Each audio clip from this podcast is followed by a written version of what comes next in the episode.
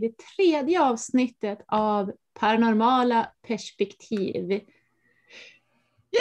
Um, ja, här har vi, jag heter Sara och vi har med oss Helen och Rasmus.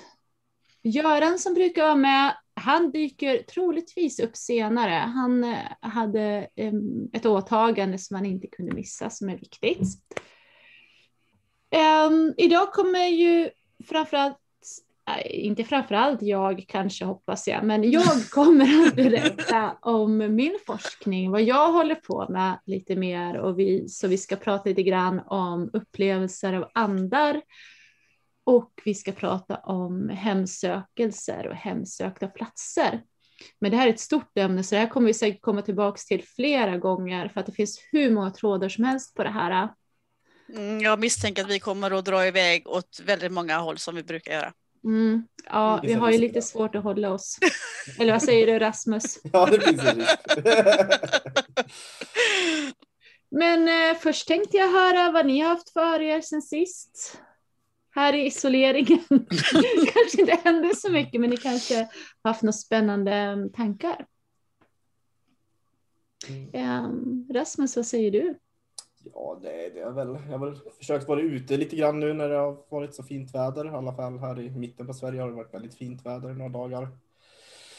Sen så har jag kommit tillbaks till en gammal bokserie som jag har läst mycket tidigare. Det är Terry Pratchett's The Discworld Series ifall folk känner igen den. Så ifall ni gillar fantasy och eh, lite komedi så eh, föreslår jag att ni tar och läser dem. Otroligt bra.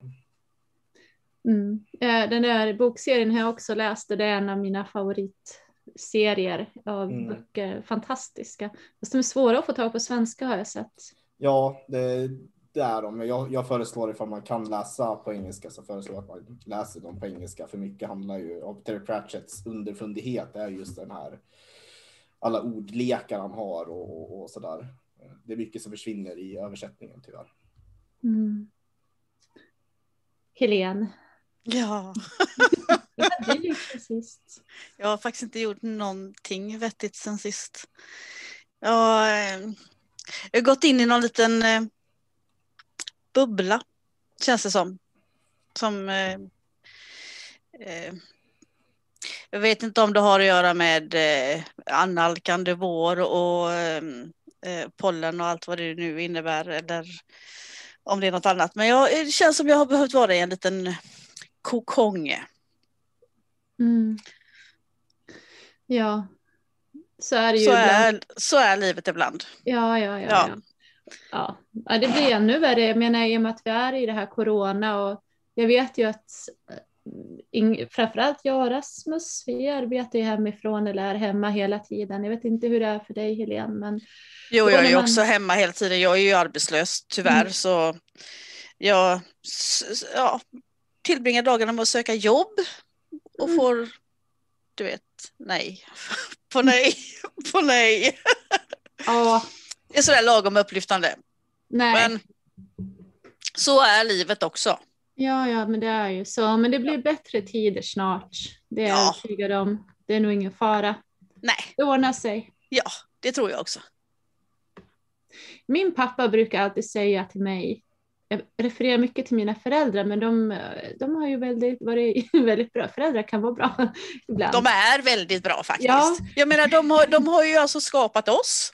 Ja, Hur bra är inte det liksom? Han har i alla fall alltid sagt Helene, ge aldrig upp. Nej. Vad som än händer, man ska aldrig någonsin ge upp. Och det är någonting som jag har som motto hela tiden när livet går emot mig eller vad det än är för någonting. Ge aldrig upp. Nej, precis. Och det är ju som min far säger också, just, det är ju lite grann samma tema att se alltid till att lära dig någonting nytt varje dag. För då har dagen varit värdefull. Mm. Ja men det var ju väldigt klokt. Mm. Funderar Vi har kloka föräldrar.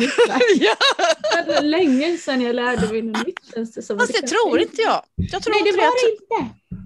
Du ser, Ja, och jag ska berätta varför, för nu ska jag berätta om vad jag har gjort sen sist. Och jag har lärt mig att hitta filter på Instagram. cool, se! Roligt! Ja, och jag jag och min lilla son, vi är ju nästan lika barnsliga, så vi satt och lekte med det tre timmar tror jag. Och eh, experimenterade. Och resultatet har ni sett på Instagram. Det är ju när jag och min lilla son då, gör reklam för avsnittet i en sån här tv. Mm, det var det mest coolaste jag har sett någon gång. Mm. Men tack. Är bra. Bra jobbat. Tack. Så det har jag ju faktiskt lärt mig på en Du ser. vecka. Du ser. Så, ja. Sen har jag väl kanske inte heller gjort så mycket mer. Jag har eh, kommit till insikt om att jag har blivit mer och mer intresserad av eh, upplevelser av utomjordingar. Mm. Eh, har jag kommit till insikt med. Då. Och jag tror att det är för att jag har tröttnat så otroligt mycket på min forskning som jag har hållit på med länge, som jag ska prata lite grann om idag. Ehm, så Ja, att- du behöver eh, splitta dig själv lite grann och så gå in i ett annat eh, spår Ja. istället. Mm. Ja, men precis. Men det är Mm. också det här sambandet med just upplevelser av andar och väsen. Det verkar ju finnas något samband. Det finns ju en, vad heter den där nu då? Ranch. Skin, Eh, Skinwalker Ranch är den du tänker på. ja, men precis. Yes. Och det är väldigt spännande. Mm. Där, de har väl allting där egentligen, allt ifrån små vättar till spöken till utomjordingar och Mm. Ja men precis, och det är det jag funderar på. Vad, vad finns det? verkar ju ibland finnas ett samband med det här upplevelser av andar och väsen. Och, och det är ju inte bara där. Jag, det jag tittar på uh, Discovery Plus har jag suttit och tittat på. De har ju såna här mycket ghost hunting-serier och dokumentärer och sånt där. Så Mm. Jag tycker om att titta på den. Men, Men, alltså, jag gillar också, Netflix har ju faktiskt dratt igång en hel del sånt och det tycker jag ju om. Va? Även SVT har ju plockat upp en del sådana här serier. Mhm. Det blir mer och mer alltså. Mm. Jo, men det är ju som vi sa förut att det blir mer och mer populärt. Mm. Det här med eh, framförallt upplevelser av andar. Mm. Det var ju det jag skulle prata om egentligen, inte mitt nyfunna intresse för upplevelser av utomjordingar. ja, Ja, nej, men det är det, det- sambandet. Det ena utesluter ju inte det andra. Nej, nej. Jag, jag tänker någonting som alltid har slagit mig som väldigt nära varandra i de två områdena. Det är de här folks upplevelser när de blir bortförda. Som kan vara väldigt snarlika eh, historier om, om eh, demonisk aktivitet eller eh, sådana saker. Mm. Ja, faktiskt. Ja, men inte bara det. Det finns ju det här historiska i det också. I eh, folkreligionen, eller det som brukar kallas för folktro, där var det också här att bli bergtagen. Alltså att Mm. man blev, som på engelska kallas spirited away. Vi har liksom inget liknande uttryck i Sverige, utan det är bergtagen. Då. Alltså man kunde bli tagen av trollen eller skogsråt.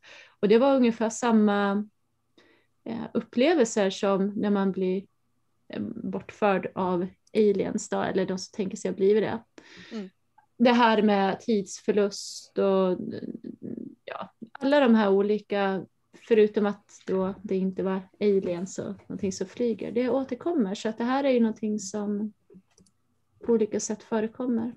Det, det är ju någonting väldigt konstigt det där med tidsförlust. För att det är någonting jag har råkat ut för ganska mycket det sista. Och jag fattar inte vad som händer. Eh, Mm. Det, det försvinner timmar alltså. Och jag Mm. sover inte. Mm. Det är jättekonstigt. Mm. Mm. Ja, nej, Jag vet inte om det är någonting i, i görningen just nu eller vad det är för något. Men det är skumt. Mm. Ja, ja, du får berätta mer om det sen. Mm. Tänker jag. För att eh, vi kommer ju ha ett avsnitt också, Helene, där du berättar mer om vad du gör och sånt där. Ja, Och utgår lite grann ifrån dig och sen Rasmus också. det, kom, det kommer väl dina- fram igenom. vi har mycket vi ska avhandla innan vi vi kommer dit det. tror jag. Ja. Ehm, nej, men vad säger ni? Ska jag börja prata lite grann om dagens ämne lite mer specifikt? Ja men absolut. Gör det. Ja, men precis. Då är det ju så att eh, jag har hållit på och skrivit på en avhandling, alltså en bok då, eh, där jag har forskat om extraordinära upplevelser med fokus på Sverige. Extraordinära upplevelser, det kallar jag alltså då ja, upplevelser av andar eller väsen och, och liknande.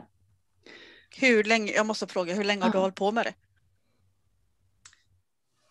Ja, eh, med själva avhandlingen har jag hållit på med länge nu. Jag har hållit på med den i tio år faktiskt. Det var tio Oj. år sedan jag började. Men då har jag jobbat, jag har ju inte haft något forskningsmedel som många andra har. Eftersom eh, mitt ämne är som det är. Alltså lite stigmatiserat och sånt där. Det är väl en av anledningarna till det. Eh, Så att jag har jobbat mellan halvtid och heltid under den här tiden. Så det har ju inte tagit egentligen något längre än ja, vad det tar för andra att skriva avhandlingar, alltså då Mm. fyra år. Mm. Fyra år heltid. Utan det har vi tagit det. Men det har ju gått en lång tidsperiod. Men det har faktiskt varit väldigt bra har det visat sig, för att det har hänt väldigt mycket på de här tio åren. Ehm, Det är så, och då menar jag framförallt det här med digitaliseringen som vi har pratat om tidigare, alltså att det har blivit så väldigt vanligt med internet och hela internetsamhället och hur man lever en stor del av sitt liv ehm, i en annan dimension nästan, alltså i en digital dimension. Mm. Som vi gör nu när vi sitter och pratar. Ehm, och hur människor eh, interagerar med varandra, alltså pratar med varandra på internet och träffas och mems och filmer och ja, allt det här. Det har ju satt sprätt då, satt sprätt, satt snurr. Ehm, ja, satt, satt sprätt på den spiritistiska, som jag kallar det, den spiritistiska livssynen. Alltså spiritism det är ju då ö- en övergripande eh, tanke att det finns andar och väsen. Och det är ju någonting som finns i alla länder i stort sett. Jo, det finns nog överallt och har i stort sett alltid funnits. Fast jag känner att den är lite eh, svår att greppa i Sverige. Det är så få som vågar prata om det öppet här. På något sätt, om, om man jämför typ med Japan eller... Mm. Men, ja. Jo, men precis. Men det beror ju på just det här att det har varit otroligt stigmatiserat. Alltså, man har inte vågat prata om det helt enkelt, för man är rädd att bli förlöjligad eller ehm, att någon säger att, det inte, att man har inbillat sig eller att man är vidskeplig eller på något annat sätt förminskar vad- den här upplevelsen. Vad kommer det sig då? Med tanke på hur öppet det är i många Mm. andra länder. Och att det är så låst här. Vad, har du kommit fram till någonting där? Ja, men det kom ju ända sedan upplysningstiden ungefär började. Eh, då man gjorde skillnad på vad man kallar då för de vidskepliga andra, alltså bönder, kvinnor och eh, utvecklingsstörda. Fast man Wow. kanske inte säger utvecklingsstörda idag. Variationsbeteende, nej. Ja, vad säger man? Ja, men i alla fall. Ja, mm. I min bok stod det så. den som jag läste. Mm. Ehm, men i alla fall, det kan kallas för de vidskepliga andra. För att då var det ju så att det var framför allt män och det var ju framför allt eh, sådana som var högre upp i samhället eh, som ansågs sitta inne med sanningen. Och eh, ett, typ, ett sätt man brukar göra för att höja upp sig själv, det är att trycka ner andra. Och det är, ah, det är en mänsklig grej. Man fungerar så i psyket ofta. Och det kan vi ju se idag också när det gäller politik eller vad det än är. Man försöker trycka ner andra för att höja upp sig själv. Det sker i alla olika läger då och i alla olika sammanhang om det finns en sån maktfaktor. Så att det började där lite grann. Och sen när spiritis, den spiritistiska rörelsen, alltså eh, på 1800-talet, då var det, eh, satte det igång verkligen det här i och med att tekniken utvecklades. Alltså den här, eh, till exempel, vad heter den här?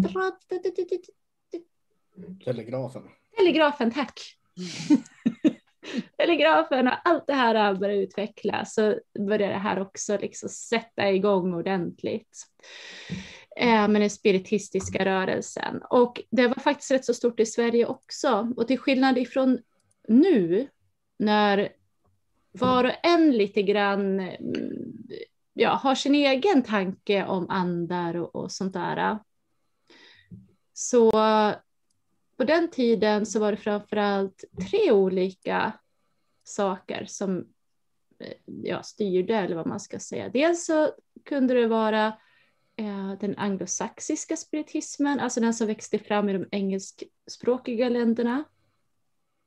Eller så kunde det vara den franska spiritismen, eh, och det var den som fanns i Sverige. Eh, och de här, båda de här två olika lärarna, den franska spiritismen och den anglosaxiska spiritualismen hade olika läror. Så den franska som fanns i Sverige, där tänkte man också på reinkarnation. Och det var väl en av de viktigaste sakerna. Man tänkte sig att människan återföddes. Och då var det också så att då fanns det ju böcker om, om den här franska spiritismen. Och det var, jag vet inte om ni har hört någon gång, Allan Kardec. Det jo. finns en film om honom, tror jag, på Netflix. Mm. Allan Kardec var det. Mm. Och um, det var väldigt mycket då också i den franska spiritismen att man skulle missionera och lära ut andra människor då, eller lära det här då, till, till alla, till bönder och även längre upp i samhället. Men vad var det mer som skilde de här två grenarna åt då? Förutom? Ja, Ja, ja men det var, ja, precis, jag har ju bara nämnt den franska nu i och med mm. att eh, det var den som var starkast i Sverige. Även om det var andra saker som påverkade i Sverige också, vilket bland annat var vår starka folktro som vi hade kvar eftersom vi aldrig riktigt har kristnats. Mm. Eh, och så var det också Swedenborg, mm. Emanuel Swedenborg och hans läror och han är ju väldigt känd internationellt men inte så mycket i Sverige. Jo, det som var inom den anglosaxiska spiritualismen, det var ju också att då tänkte man sig inte att man kunde reinkarnera, utan då tänkte man sig att man kom till eh, som the summerland, alltså det var ungefär liknade himlen lite grann, himmelriket, det kristna himmelriket.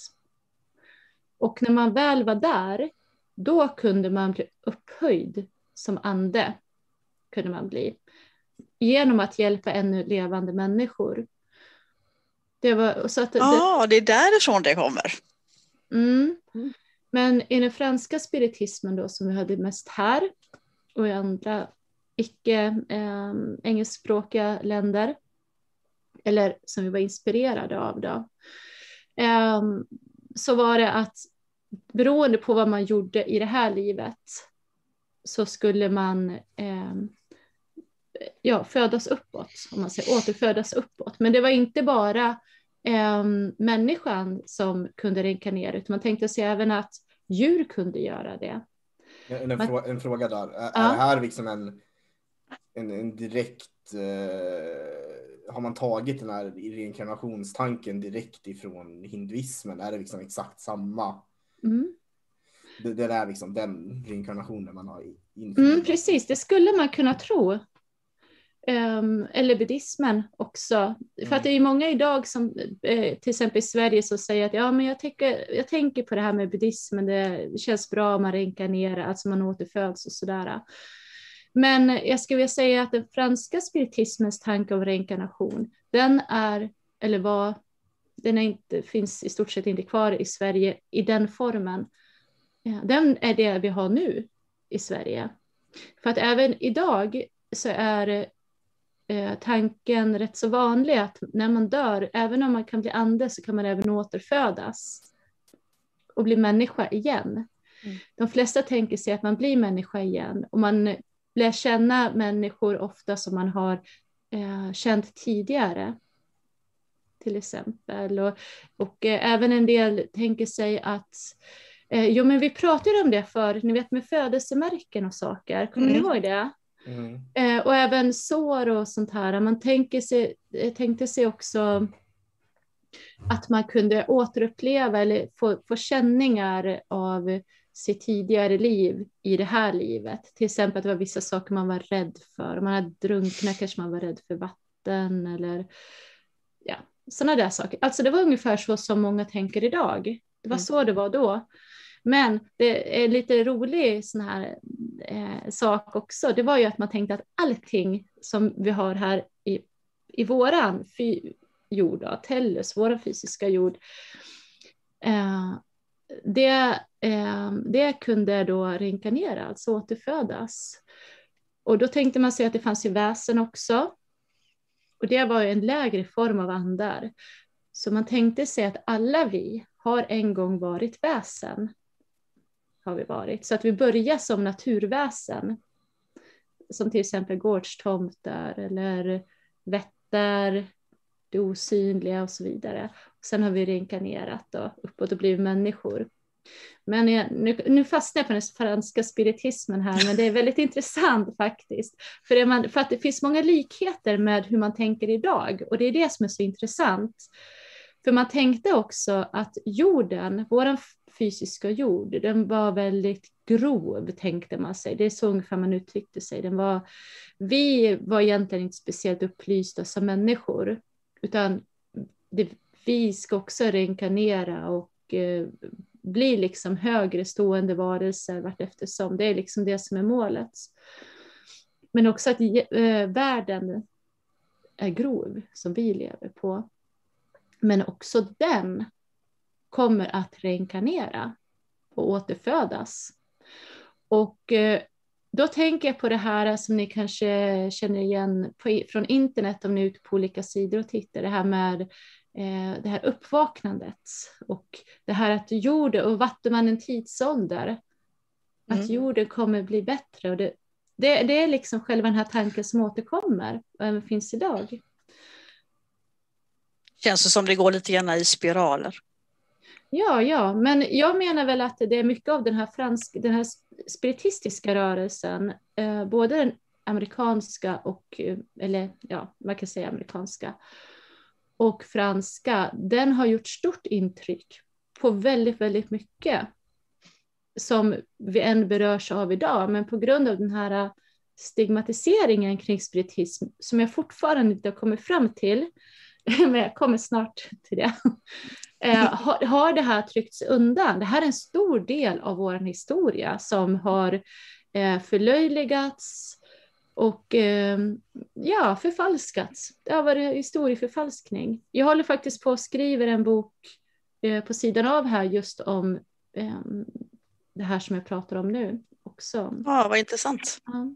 Jag, tycker också det är spännande att ett mönster som jag ser här i, i är ju att de, de, eh, jag ser hur de eh, med sin egen spin såklart som det brukar bli så är det ju samma teman och samma tankesätt som den tidigare västerländska esoteriken stod för också med i hela den här reinkarnationscykeln som du pratade om och, mm. och upphöjelsen om hur oren eller hur grov eh, mm. världen är och så där. Så det är ju ett framförande eller ett återberättande eller ett fortsatt berättande av samma eh, tankeskola egentligen som jag ser det.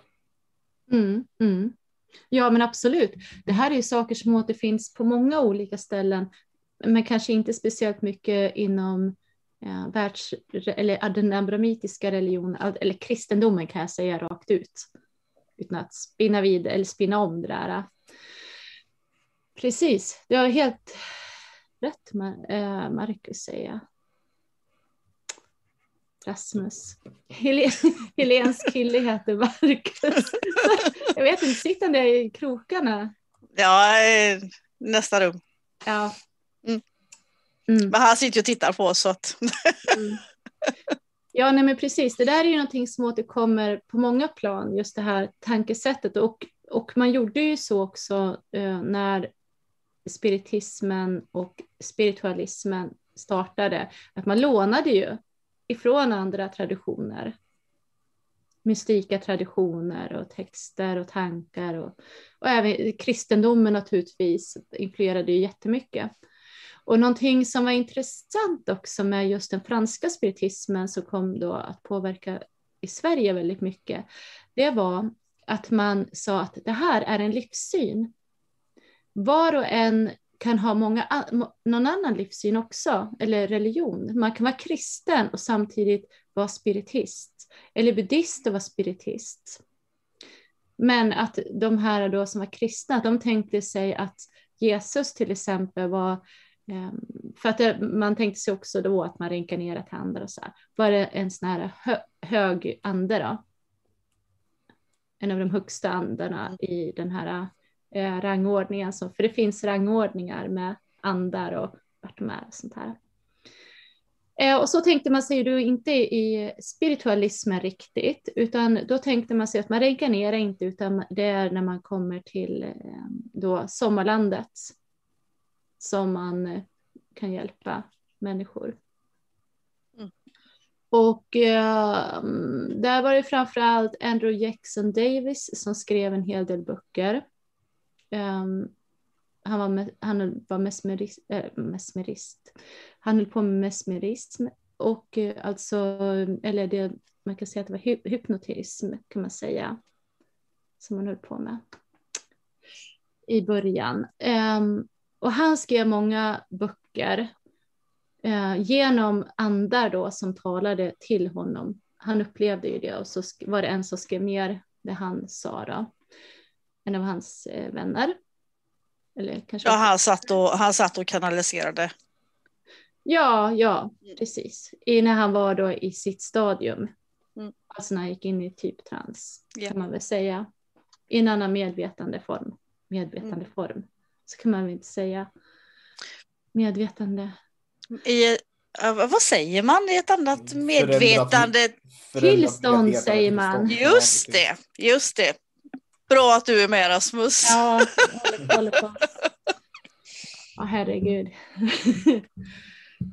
um, jo, men precis. Och uh, det som var intressant där också, det var ju att uh, man skulle väl kunna säga att de, alla de här böckerna, det de gjorde, alltså då de här amerikanska då kan vi säga, eller anglosaxiska spiritualistiska, det var ju att de eh, förespråkade en mer socialistisk syn på livet. Alltså alla skulle vara jämlika och man skulle hjälpa varandra. Män och kvinnor och barn skulle behandlas jämlikt. Så att det var väldigt eh, det var väldigt före sin tid om man säger så. Och i, när man tänker på Amerika har det väl alltid varit före Amerikas tid på sätt och vis. Men i alla fall, det som var intressant att de, första suffragetterna var faktiskt spiritualister. Mm. Ja, nu kom Göran in. Yay, Göran! Ja, nu dyker jag upp här. Hej!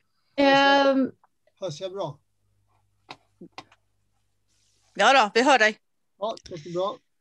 Um, jag tänkte jag ska säga en, en till sak om den här historiska biten så går jag vidare sen. Och det var, um, jag berättade om mitt nyfunna intresse för uh, det här med utomjordingar och aliens som jag tycker är spännande upplevelser av det.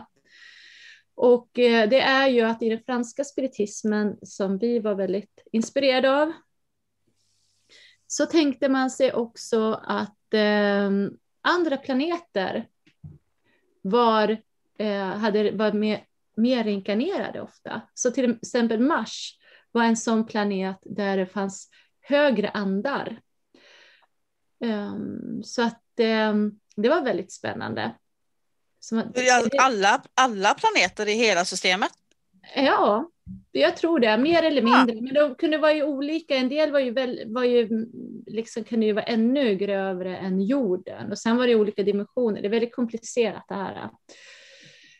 Spännande. Ja, men det är jätteroligt. Och jag har en, för jag älskar ju gamla böcker då, så jag har en gammal bok eh, från slutet på 1800-talet där man, där det, det, är en svensk bok, där det är någon som har gått in i trans och beskriver sina upplevelser på Mars. Wow. Ett medium. Och eh, beskriver där att det är högt stående andar och att de har tre ben bland annat. Och att de har ett helt annat sätt att leva i familjer än här och att de var väldigt, ja, jag, jag kan någon gång när vi ska prata om utomjordingar och sånt där så ska jag leta upp det där och uh, kan jag läsa upp det. Det är jätteintressant. Fast det där har jag också läst någonstans, fast inte i någon bok från 1800-talet utan från en bok från 90-talet. Mm. Typ samma saker. det var intressant. Mm. Också kanaliserat. Mm, mm. Det, Spännande. ja, jag har hört sådana, i- just när man ska få ihop reinkarnationsidéer om omsättningen av andar. Det här är ju väl, ganska vilda spekulationer och lite från new age-grupper, men, men eh, det finns liksom lite logik i det hela. Va? Hur, ska det, hur ska det gå att få ihop det här med reinkarnation och varifrån kommer alla andra som reinkarnerar och, och så vidare.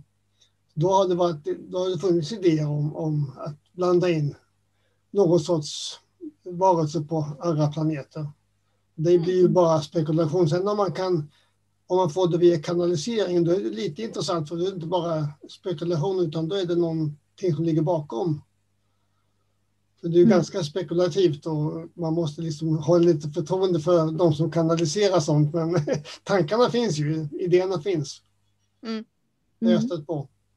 Mm. Ja, även scientologikyrkan, hela deras grund är baserad på en utomjordisk härkomst, där den mänskliga mm, själen ungefär. Jag, är- jag är ganska- ganska dålig på, på deras tro så, men det, där kommer ju andar i, i rymdskepp och blir neddumpade på jorden. Eh, Mm. Ja men precis, det här med scientologi är ju jättespännande. Och hur man tänker sig med det. Jag tänker också lite grann det här, nu skulle vi inte prata så mycket om utomjordingar i och för sig, men eh, jag tänker att det är lite högmodigt av, av människor att tänka att vi skulle vara de enda levande i, i detta extremt stora universum. Bara en liten sidotanke. Så. Mm. Nej men jag håller med. Det är en ganska vanlig kommentar. Mm. Mm. kan man väl säga. Ja.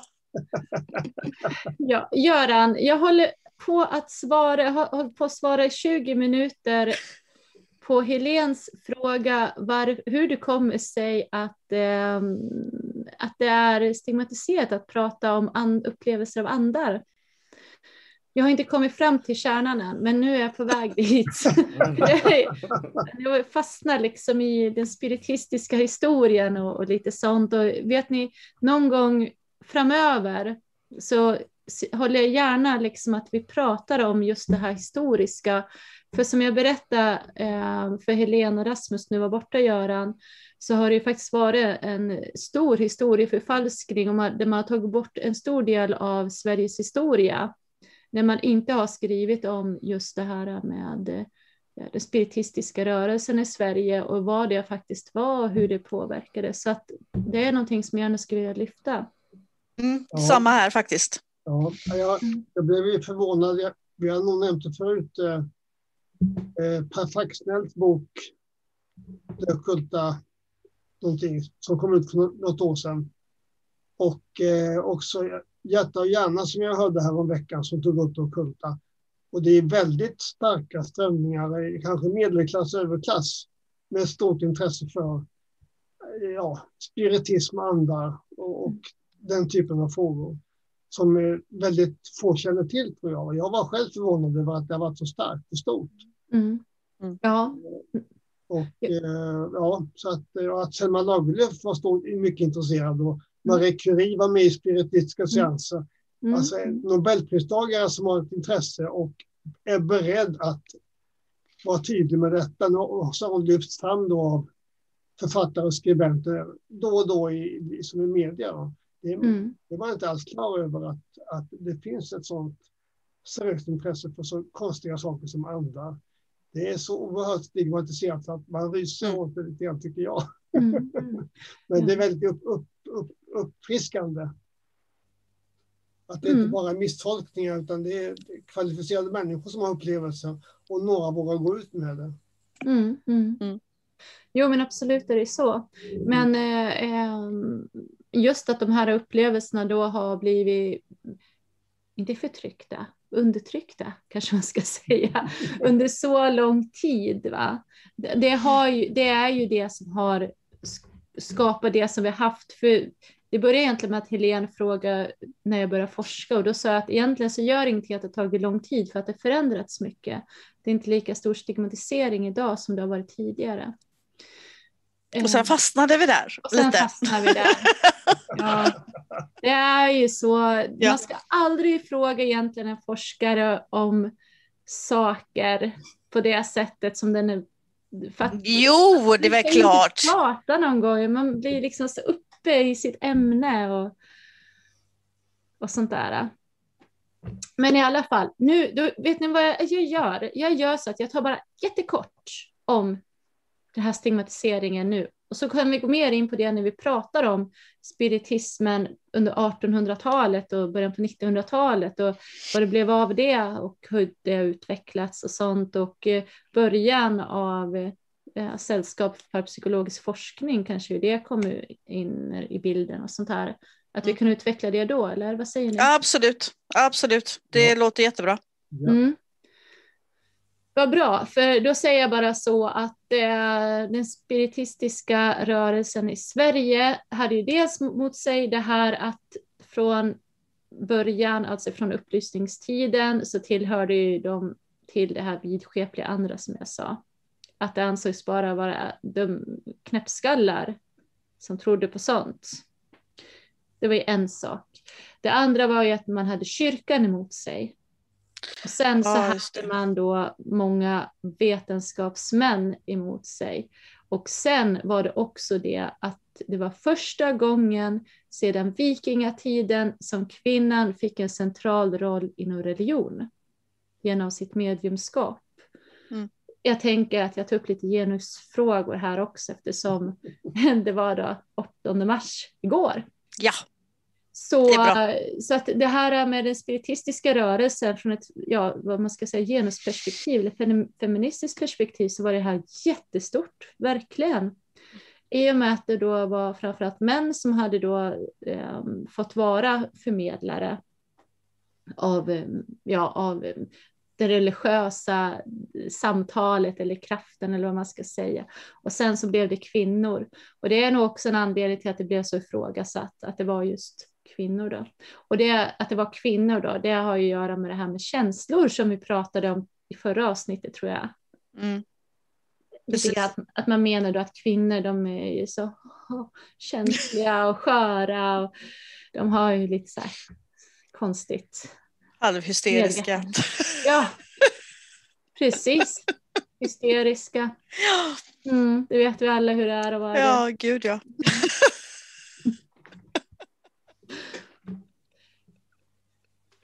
Ja, så att ehm, ja, men jag kanske ska komma, det, och faktiskt det här är ju en del av det här skriver jag också i min avhandling naturligtvis om historien. Det gör jag eh, för att knyta tillbaks till min forskning som jag pratade om. Så att jag skriver om det här också i min forskning, men inte bara ett kort kapitel. Utan jag skriver en bok på sidan av som är större. Mm. Så Göran, Ja, ehm, hur, vad har du gjort sen sist vi såg? Så det har hänt något speciellt i ditt liv? inte så jättemycket tror jag inte. Jag putsar vidare på antologin som jag återkommer om då och då. Mm. Eh, Som, det är väl tre, fyra kapitel kvar som ska bli klara. Mm. Jag har ju skrivit sju, åtta kapitel själv. Och slutputsar jag på formuleringar, att det flyter bra. En del engelska svåra ord som jag får hjälp med att översätta, för det är både fysiologi och fysik. Det är en väldig blandning av discipliner och jag har inte all kunskap själv, men jag sitter och slutputsar på kapitlen helt enkelt. Mm. Eh, och det, det är det som inspirerar mig mest. Mm. Och så Mm. blandar jag in lite nyhetsbrev ibland som ska ut. eh, Försöker bestämma föredragen i april och maj. Det, är- det är väl lite grann det. Det är ju Mm. flera teman som nog intresserar våra lyssnare som kommer. Mm. Mm. Ja men absolut, det, det tror jag absolut att det är. Och jag eh, håller ju på med ett kapitel också till antologin som är relaterat till dagens ämne. Ja, just Är det. det. Mm. Och eh, jag kommer ihåg faktiskt, eh, för att ibland så blir media intresserade av det jag håller på med, min forskning och så här. Ja, Um, och jag kommer ihåg första gången som de blev det. Och det var, det var innan jag började forska faktiskt. Och då hade jag skrivit en bok som heter Hemsökta platser. Där jag tittar på hur man kan förstå då, eh, ja just hemsökta upplevelser på hemsökta platser och det kom, kun, kunde komma till uttryck upplevelser där och det ska vi också gå in på. Det var då jag fick kontakt med Sällskap parapsykologisk forskning för första gången också. Mm. I och med den boken. Eh, vad var det jag skulle säga?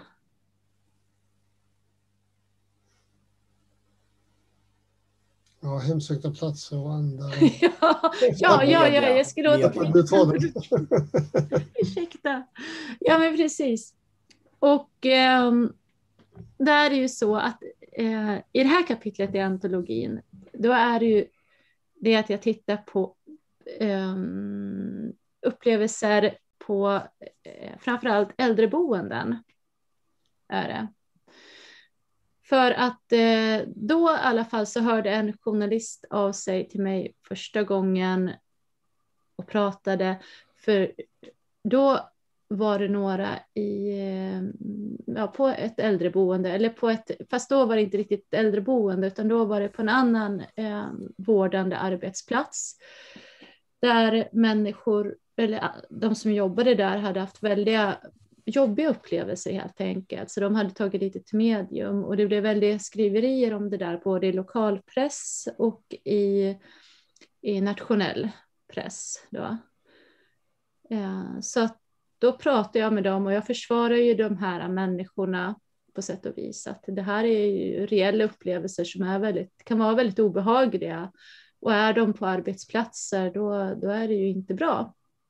Och faktiskt så är det ju så att en del som jag pratade med sen, för att det var redan då började jag min studie som jag ska du, skriva om Du pratade här. med personalen på... Ja, jag pratade med de här då som hade varit i tidningen. Mm. Mm.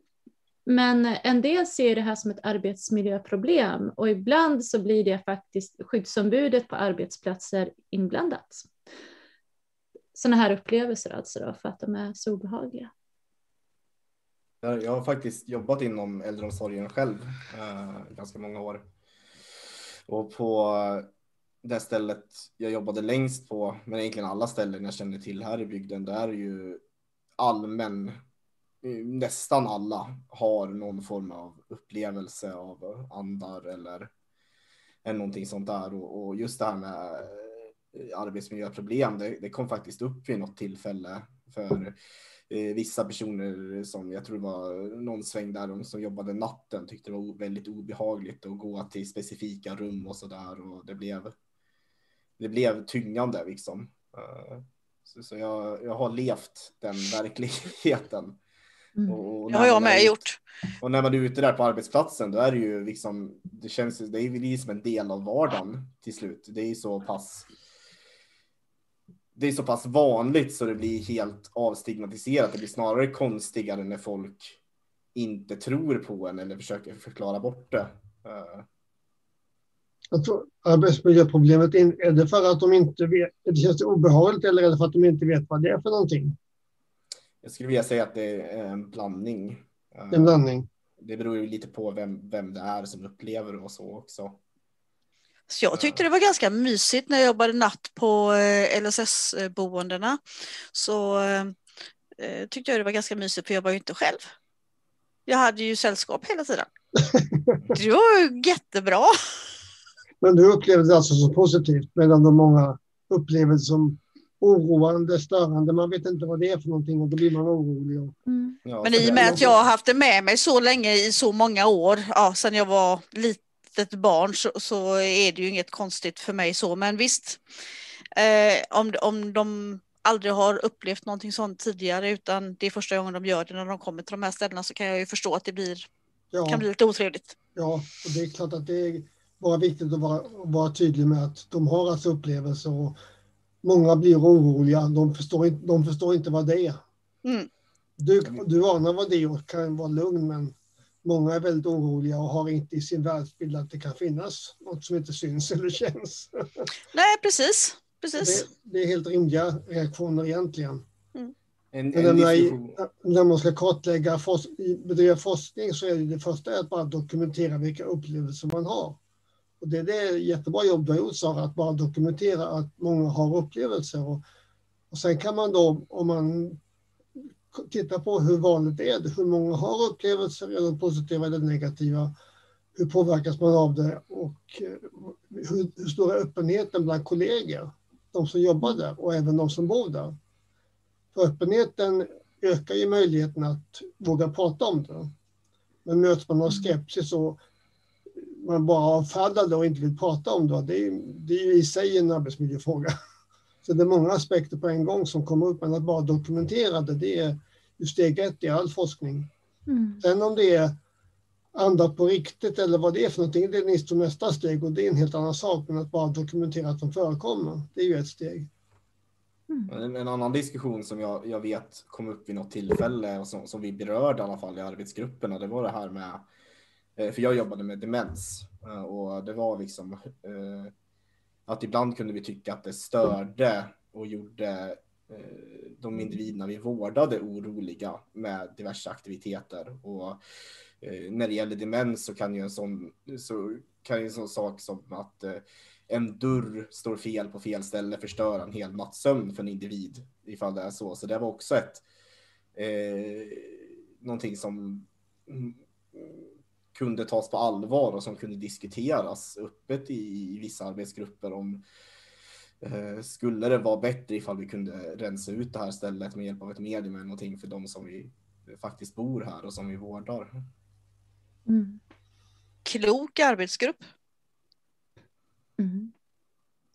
Ja, eh, jag vet ju när jag har gjort min undersökning eh, till, till ja, mina olika forskningsprojekt ja, så har jag bland annat sett att ibland så är det ju så att arbetsledarna tar tag i det själv och antingen anlitar ett medium i himmel och hemlighet då, eftersom det är då stigmatiserat.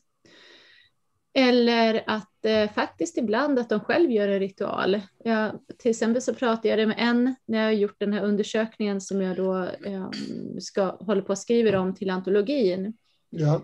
Eh, som hade hittat någon ritual om hur man eh, ja, får stå ut få upplevelser, alltså mot, mot att andra är nära som hon hade hittat i, vad var det, var det Hemmets Journal eller jag vet inte, det var någon sån här damtidning i alla fall hon hade hittat det. Så hon hade rivit ut de där sidorna och skaffat ja, ingredienserna till ritualen och utförde den en natt när hon var där eh, ensam på den platsen där många hade upplevelser. Mm. Hjälpte det?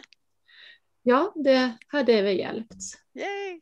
Mm. Ja, det är Vad lite kul! djärvt. Det är lite djärvt, måste jag väl påpeka, att om man nu har att göra med andar. Eh, det är lite djärvt att, att eh, leka med dem, för man vet inte vad det är man leker med. Det kan vara negativa, det kan vara positiva. Det är, ja, det är lätt att, att, att, att hamna i saker som man inte riktigt förstår.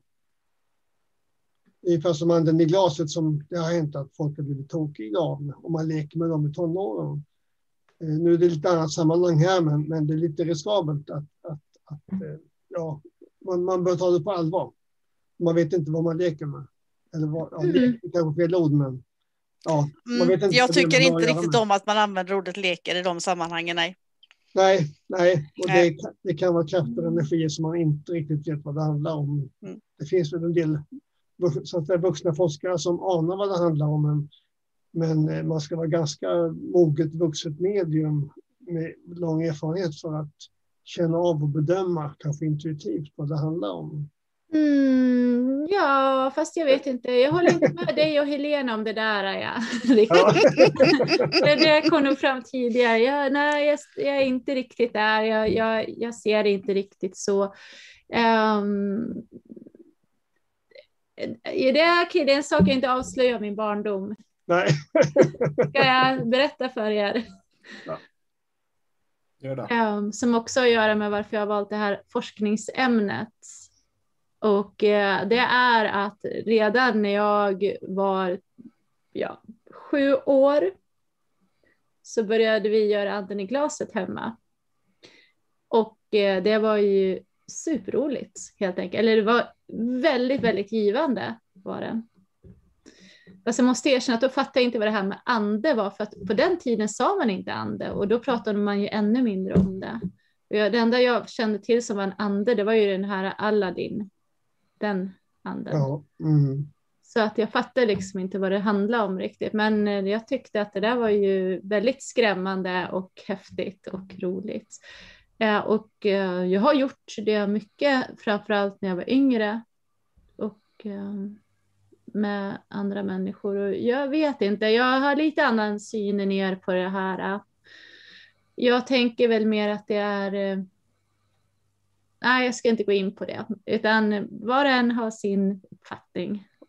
Rasmus, hur ser du på det här då? Jag kan ju tänka mig att om man är en skör person, och det är man ofta i tonåren, då kan man dra till sig motsvarande energier. Det är, det är lite grann så man har tänkt sig. Att är man skör som person, eh, då kan man dra till sig skör eller otrevliga energier, om jag uttrycker mig lite bildligt. Ja, alltså, nej, när, jag, när jag tänker på att det inte är en lek för mig så är det ingen lek utan eh, om jag säger att jag ska leka med anden i glaset så eh, räknar jag med att jag inte får speciellt tillförlitliga andar med mig från andra sidan. För att då vill de leka. Ja, ja. ja. Det, måste... det, kan, det kan matcha ditt sinnestillstånd så att säga. Uh, ja. Men jag, jag, jag är väl också på den mer försiktiga sidan, men uh, framför allt så är det ju på grund av det som Göran tog upp lite nu, det här med det egna mänskliga eller det själsliga tillståndet hos människan. Eh, och jag anser att eh, ifall du känner dig själv i första hand, ifall du har koll på dig själv, ifall du vet vem du är, ifall du är säker i dig själv, ifall du har gått, har bearbetat de trauman som du kanske har. Eh, var försiktig, men ifall du verkligen är dragen till det, ja då är det ju så. Då måste du ju få utforska dina gränser. Men i andra fall när det gäller individer som kanske inte är så starka i sig själv så anser jag att eh, man ska nog vara lite försiktig för eh, i första hand eftersom man inte vet världen man går ut i när man öppnar i sina egna mentala kanaler. Eh, är det ju inte så många som har superkoll på liksom. Vi vet inte vad som kan finnas där ute. Det är min filosofi. Mm. Mm. Men jag tänker så här att, jo men jag håller med er, naturligtvis är det ju så att man har olika former av jag-styrka liksom, hur starkt jaget är. Och det, men det skulle jag vilja säga att det påverkar ju allt som är emotionellt som man gör i livet. Till exempel hoppa bungee jump eller det är kanske en dum jämförelse, va? men olika situationer som man gör som kan vara väldigt emotionella, de, allting påverkas av personens psyke som man har sedan innan och, och jag-känslan. Så tänker jag. Men jag är som sagt var jag är förstörd. Min, min, pappa har förstört mig sedan jag var liten här. ja, men alltså, jag har hållit på jättemycket med anden i glaset och med ouija boards och med trollbord och med ja, alla möjliga sådana här grejer. Och jag har ju inte råkat illa ut någon gång så. Men jag undviker ordet leka. Ja. Ja, men det tycker jag också. Jag, är väl jag tycker också det är lite seriöst eh, också kan jag tycka i och med att det är en divinationsverktyg bland annat. Ja. Är ju, och används i ritualer på olika sätt. Så därför ska man inte leka. Man leker ju inte nattvarden till exempel. Nej. Nej.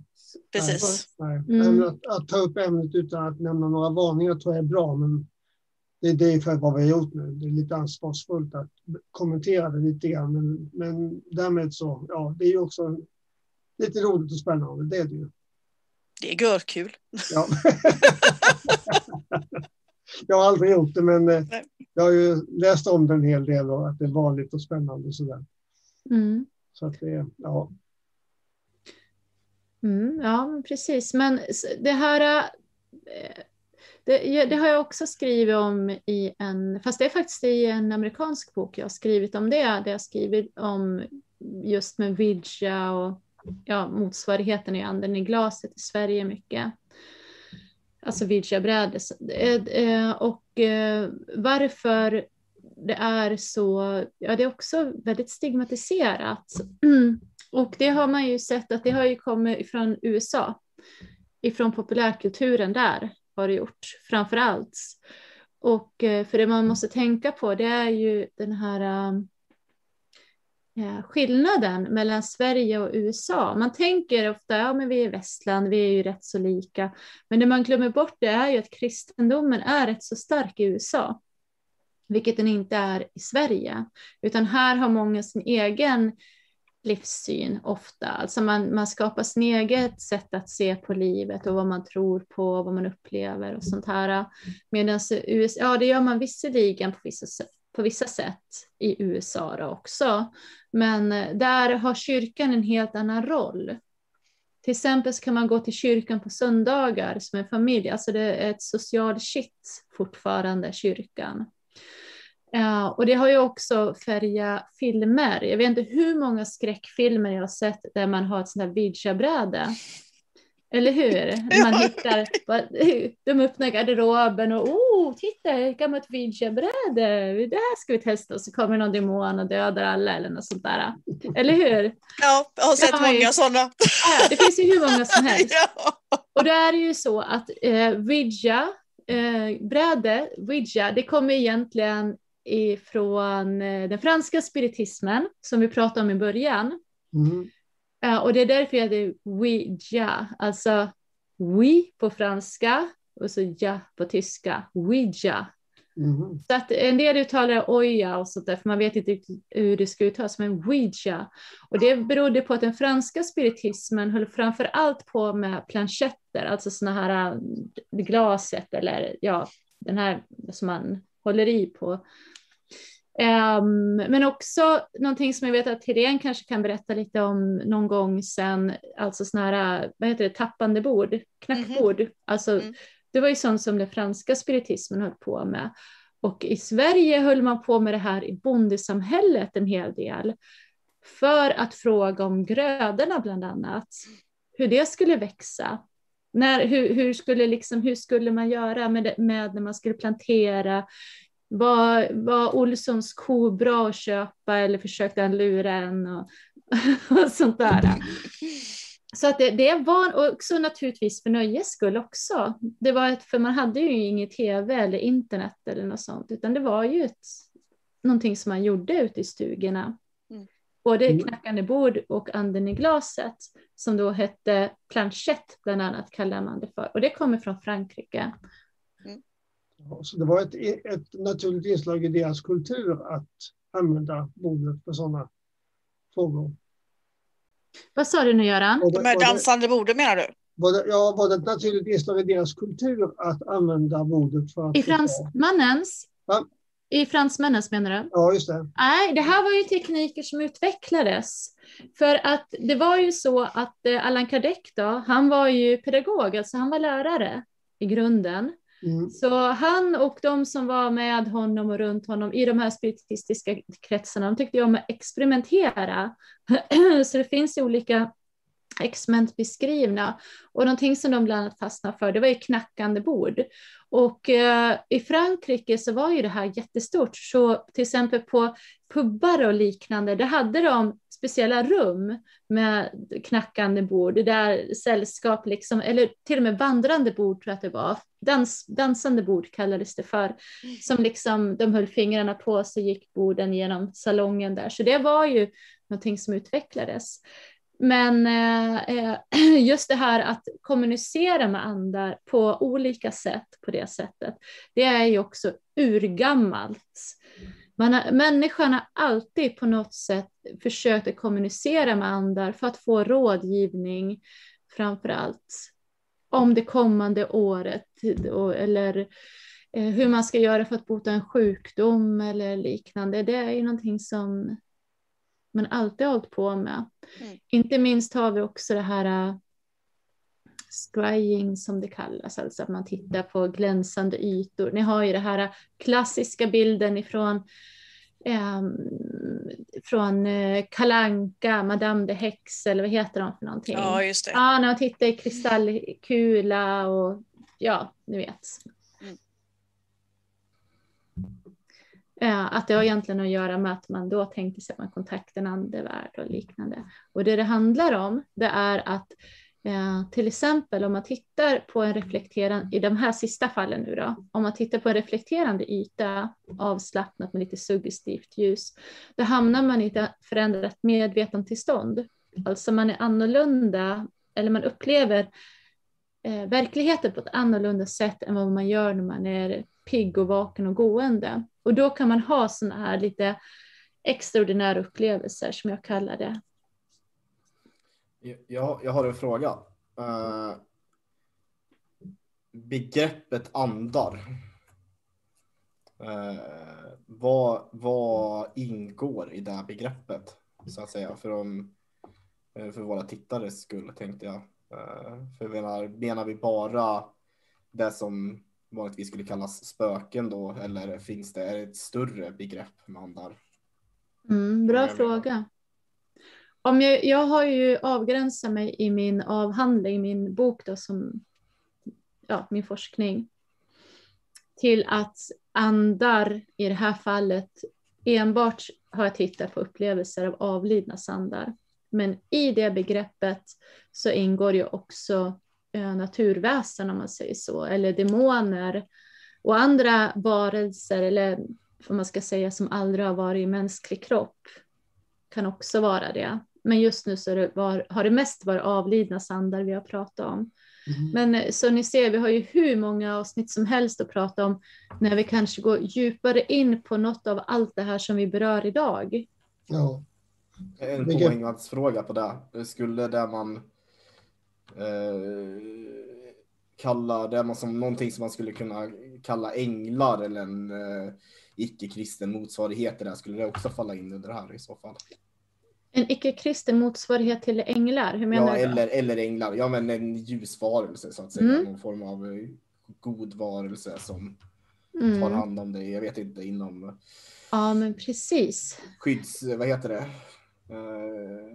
Skyddsänglar, ja men precis. Ja, men det, här är en jättebra fråga och det här skriver jag också om i min avhandling. Då. Ehm, de här olika andeformerna som jag har sett att människor tror, tror på i Sverige eller menar sig uppleva i Sverige. Och då har jag någonting som jag kallar för bistående andar. Och dels så kan det vara förfäders andar Alltså människor som har avlidit. Det här ska vilja komma tillbaka till, bistående andar, men jag ska först gå in på det här som du frågade efter Rasmus. Um, och uh, sen så är det det som kan kallas för guider ibland. Guider, ljusguider, ljusänglar eller någonting. Och det är inte, oftast är det inte någon som har varit släkt med personen utan det är någon annan. Och en del menar då att det är änglar. Då. Um, för att man, um, det, det kristna um, mytologin blandas in många gånger kanske i det här spiritistiska, precis som um, ibland nu för tiden har jin, till exempel, alltså den muslimska väsendet, jin, börjar blandas in i spiritistiska tankar i Sverige idag i och med att vi har eh, en annan eh, ja, vad ska man säga, bild i Sverige. I och med att vi har flera olika kulturer på ett annat sätt. Men, eh, men det här med änglar är intressant om jag får dra en liten parallell här, eller parentes här. Och det är ju att änglar i Sverige tillhör inte kristendomen. Utan i Sverige tillhör änglar det som brukar kallas för folktron eller folkreligionen. Och det beror på att när Sverige slutade vara katolskt så kastar man ut alla änglar och helgon. För att det ingår, det är ju någonting som är typiskt inom katolicismen då. Men när Sverige slutade vara katolskt, då sa man att det här änglar tillhör folktroväsen, det är inte en del av våran tro längre.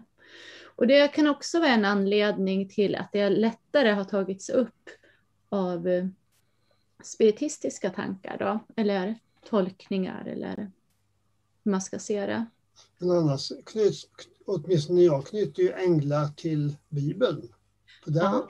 omtalas de, eller jag vet inte om de har då översatt det till ordet ängel, ärkeängel och liknande. Så i kristendomen, Mm. åtminstone i Bibeln, finns ju den Mm. företeelsen om man säger så. Ja, men enligt protestantismen ska man inte ha änglar eller helgon utan det är bara Gud som är fokus. Ja, så det är, det är olika riktningar inom kyrkan. En del vill inte veta av änglar kanske. Ja, men precis. Ja, inom kat- katolicismen så är ju det här stort. Ja, ja. Änglar och helgon och, och ehm, ja, ni vet den svarta madonnan och allt sånt där. Men inte i Sverige. Så det kan vara den som upplever en ande kan med sin referensram uppfatta det som en ängel. Mm. Lite grann beroende på hur det ser ut. Om det är någonting som antyder att det vingar så kan det lätt uppfattas som en ängel kanske. Ja, ja, men ofta också, den behöver inte ha vingar heller, utan det kan vara det att de är väldigt ljusa. Och, ehm, det har ju varit en stor, framförallt förut tyckte jag, men det finns ju säkert kvar mycket fortfarande, att man pratade om änglar, att man, man fick tecken ifrån änglar, till exempel man kanske hittade en vit fjäder när man var ute och gick och då, då var det ett tecken ifrån kanske någon specifik ängel eller att man tar hjälp av någon ängel för att hela sig själv och, och sådär. Så änglar har en väldigt, väldigt eh, central roll i spiritismen skulle jag vilja säga.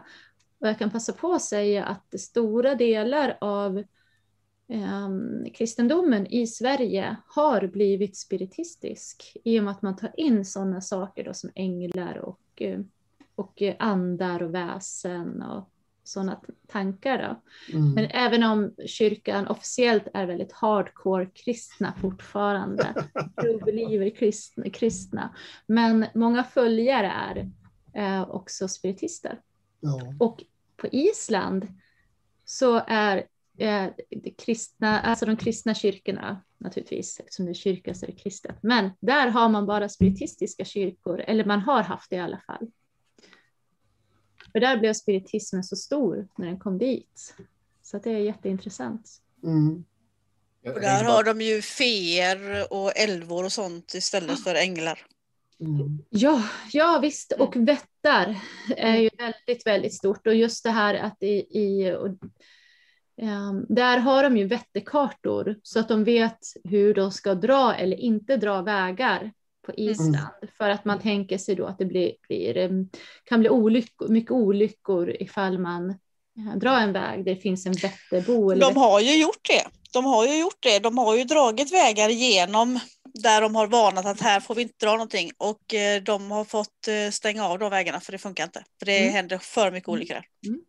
Och, det har, Jätteintressant. och detta har präster i Sverige nåtts av och skrev en insändare, det var en gästledare i höstas som kommenterade att präster i Sverige börjar få frågor om att man störs av andar. Mm. Och detta nappade jag på. Jag skrev ett, ett inlägg som kom in nu i januari i Kyrkans Tidning där jag bekräftade Mm. och kommenterade det med tro på andar och att det faktiskt finns forskning idag på upplevelser av andar. Och Mm. att eh, ja, det är en fråga som präster möter idag och de vill ha hjälp. Mm.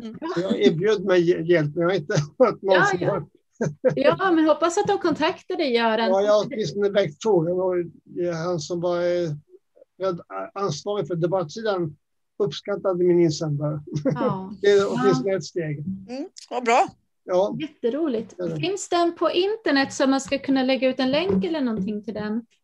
jag tror faktiskt det. Ja, jag fick hjälp med den första insändaren, eller gästledaren, den fick jag hjälp med en länk så det ska kunna gå att hitta. Den la du i eh, SPF-gruppen på Facebook va? Facebook, ja, jag tror det. Mm. Ja, just det. Det ska nog gå att hitta. Jag har inte letat själv, men jag har ju sparat tidningen med min insändare. Mm. Det skulle kunna Ja, men då vara- ska vi nog kunna lägga ut den. Ja, det tror jag. Eh, en annan begrepp som finns i Sverige i alla fall, det är ju gengångare. Eh, det var ju en avhandling också i religionspsykologi, tror jag, på 80-talet av en kvinna som heter Solveig Almqvist som blev ganska uppmärksammad. Hon analyserade gengångarföreställningar i Sverige. Mm. Eh, hon, ja, jag, jag träffade henne någon gång, hon bodde på Söder i Stockholm, så att hon höll ett föredrag för oss på 70-talet eller 80-talet. Mm. Men det var alltså gengångarbegreppet då. Det är ju en speciell sorts anda då. Mm. Alltså som går igen om jag förstått det rätt, bokstavligen. Ja, precis. Jag har hennes avhandling faktiskt här hemma. Ja. eh, har jag. Och eh, jag kommer ihåg henne ifrån ett av de allra, allra första programmen som gick på svensk tv som handlar om eh, ja, upplevelser av andar och väsen. Och vad hette det nu då? Det var först så fick man se lite grann saker som hände. Det måste ha varit, jag kommer inte ihåg vad det heter, men det gick väl någon säsong och hon satt med i en panel där och pratade om saker. Men det hon har gjort i alla fall, Solveig Almqvist, är att hon har ju tittat på bondesamhället som hon kallar det. Ja, Alltså på eh, 1800-talet framför allt ja, och hur man tänkte sig då. Ehm, och hon har tittat på något som kallas för gengångare. Ehm, och det, gengångare är ju ingenting som, man, som existerar idag på det sättet. Man pratar ju inte om gengångare. Och ehm, ja, ni som har hört mig prata om min forskning tidigare vet jag kanske att jag säger att de här undersökningarna om hur många som tror på andar idag. Jag, jag tycker inte om att säga tror på andar för att det är ju en övertygelse, det är en del av ens livssyn, så därför jag inte tycker om att säga tror. Ehm, jag tycker inte om de här undersökningarna som har funnits i tidningarna där de har skrivit oh, 20 procent av Sveriges befolkning tror på andar eller spöken eller vad de säger för någonting. För att jag har ju tittat på hur de har ställt frågorna och jag vet hur stigmatiserat det här är. Och en sak är ju att man pratar inte, i alla fall när de här gjorde, så pratar man inte med okända människor om sina upplevelser eller om man tänker sig att det finns andar. Det var alldeles för stigmatiserat. Så det var bara de som var, jag skulle kunna tänka mig, true believers. Alltså sådana som var så starka i sin tro och så eh, liksom inte rä- räddes någonting som vågade svara ja på den frågan. Då, på Mm. den. Och sen är det också att till exempel så frågar de, tror du att, människan, att människor går igen? Och går igen, det är ju ingenting som man använder idag, ett sådant begrepp. Det, är ju, liksom, det har ju att göra med gengångare. Det är no- gengångare finns inte i våran eh, livssyn idag. Precis som att eh, eh, hustomtar, ja visserligen finns det hos en del ändå idag. men, men jag menar, det var någonting som tillhörde den eh, äldre, eller folk, folktron, den äldre folktron, om man säger så, när Solveig Almqvist tittade på det här. ja. Men det var väl så att människor som alltså dör och dyker upp igen i den miljön man var van vid. Det är väl det som jag kallar gengångare. Ja, Eller?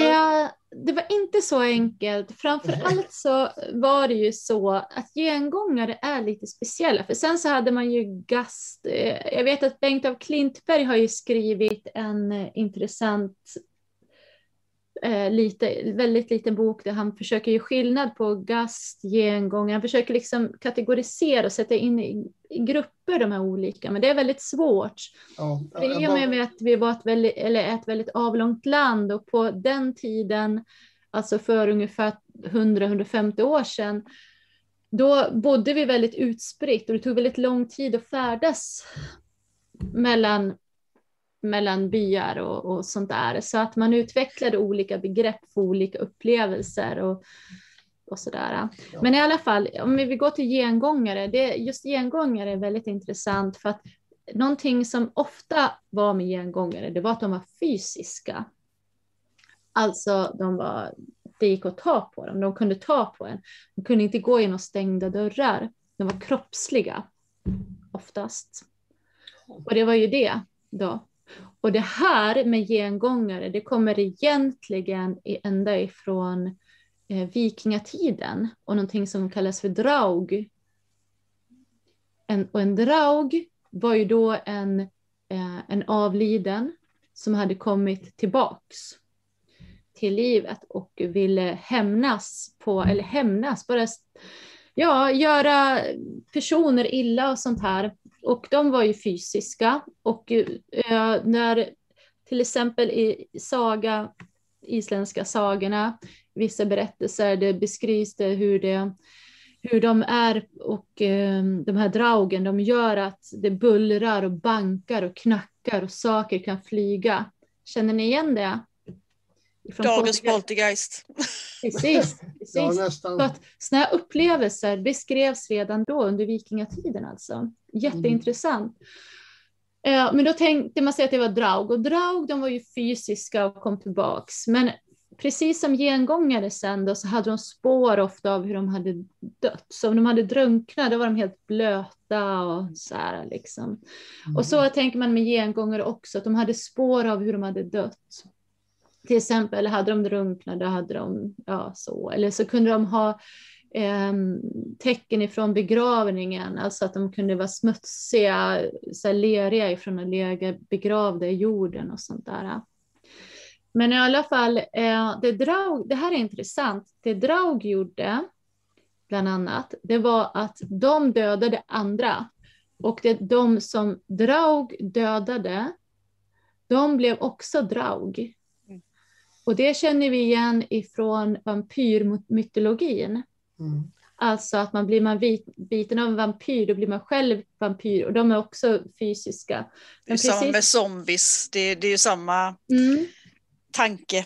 Ja, fast Mm. precis lite senare och populärkultur, den här som du tar upp nu. Ja, Ja. precis. Mm. Och sen också, Um, precis som vampyrer känns det också då, så tänkte man sig att gengångare kunde bli dimma, eller de kunde vara liksom okroppsliga också. Men ofta så var det att de var kroppsliga och kunde, ja. Och det är en jättegammal föreställning för vikingatiden. Sen när spiritismen kom, under 1800-talet, den här spiritistiska rörelsen som jag inledde med, och man började prata om andar, då blev, övergick eh, de här mer fysiska gengångarna till att bli eh, mer okroppsliga. Alltså att de blev mer, eh, de blev mer abstrakta, så som de är idag. För idag är det sällan som någon pratar om en gengång. Människor kan ju uppleva och se eh, då vad de tänker, ja, avlidna sandar vara lika verkliga som en levande människa. Men de är ändå inte fysiska. Å andra sidan är det människor som berättar om att de har upplevelser av att till exempel att någon griper tag i dem. Mm. Eller att de, att de känner det här fysiska ibland. Ja. Men det är, men de kan, men det är inte en fysisk varelse. Så delar av det där finns kvar, men det har förändrats mycket i och med spiritismen under 1800-talet. Ja. Det påminner om upplevelser som jag kanske nämnt förut. Eh, Thomas Ljungberg och Björn Brangsjö skrev en bok för kanske två år sedan och höll föredrag för oss också. Sjömannen som gick genom väggen Mhm. hette boken. Och det var om exceptionella upplevelser och det var olika varianter av andar får man väl säga. Mm. som syntes och upplevdes.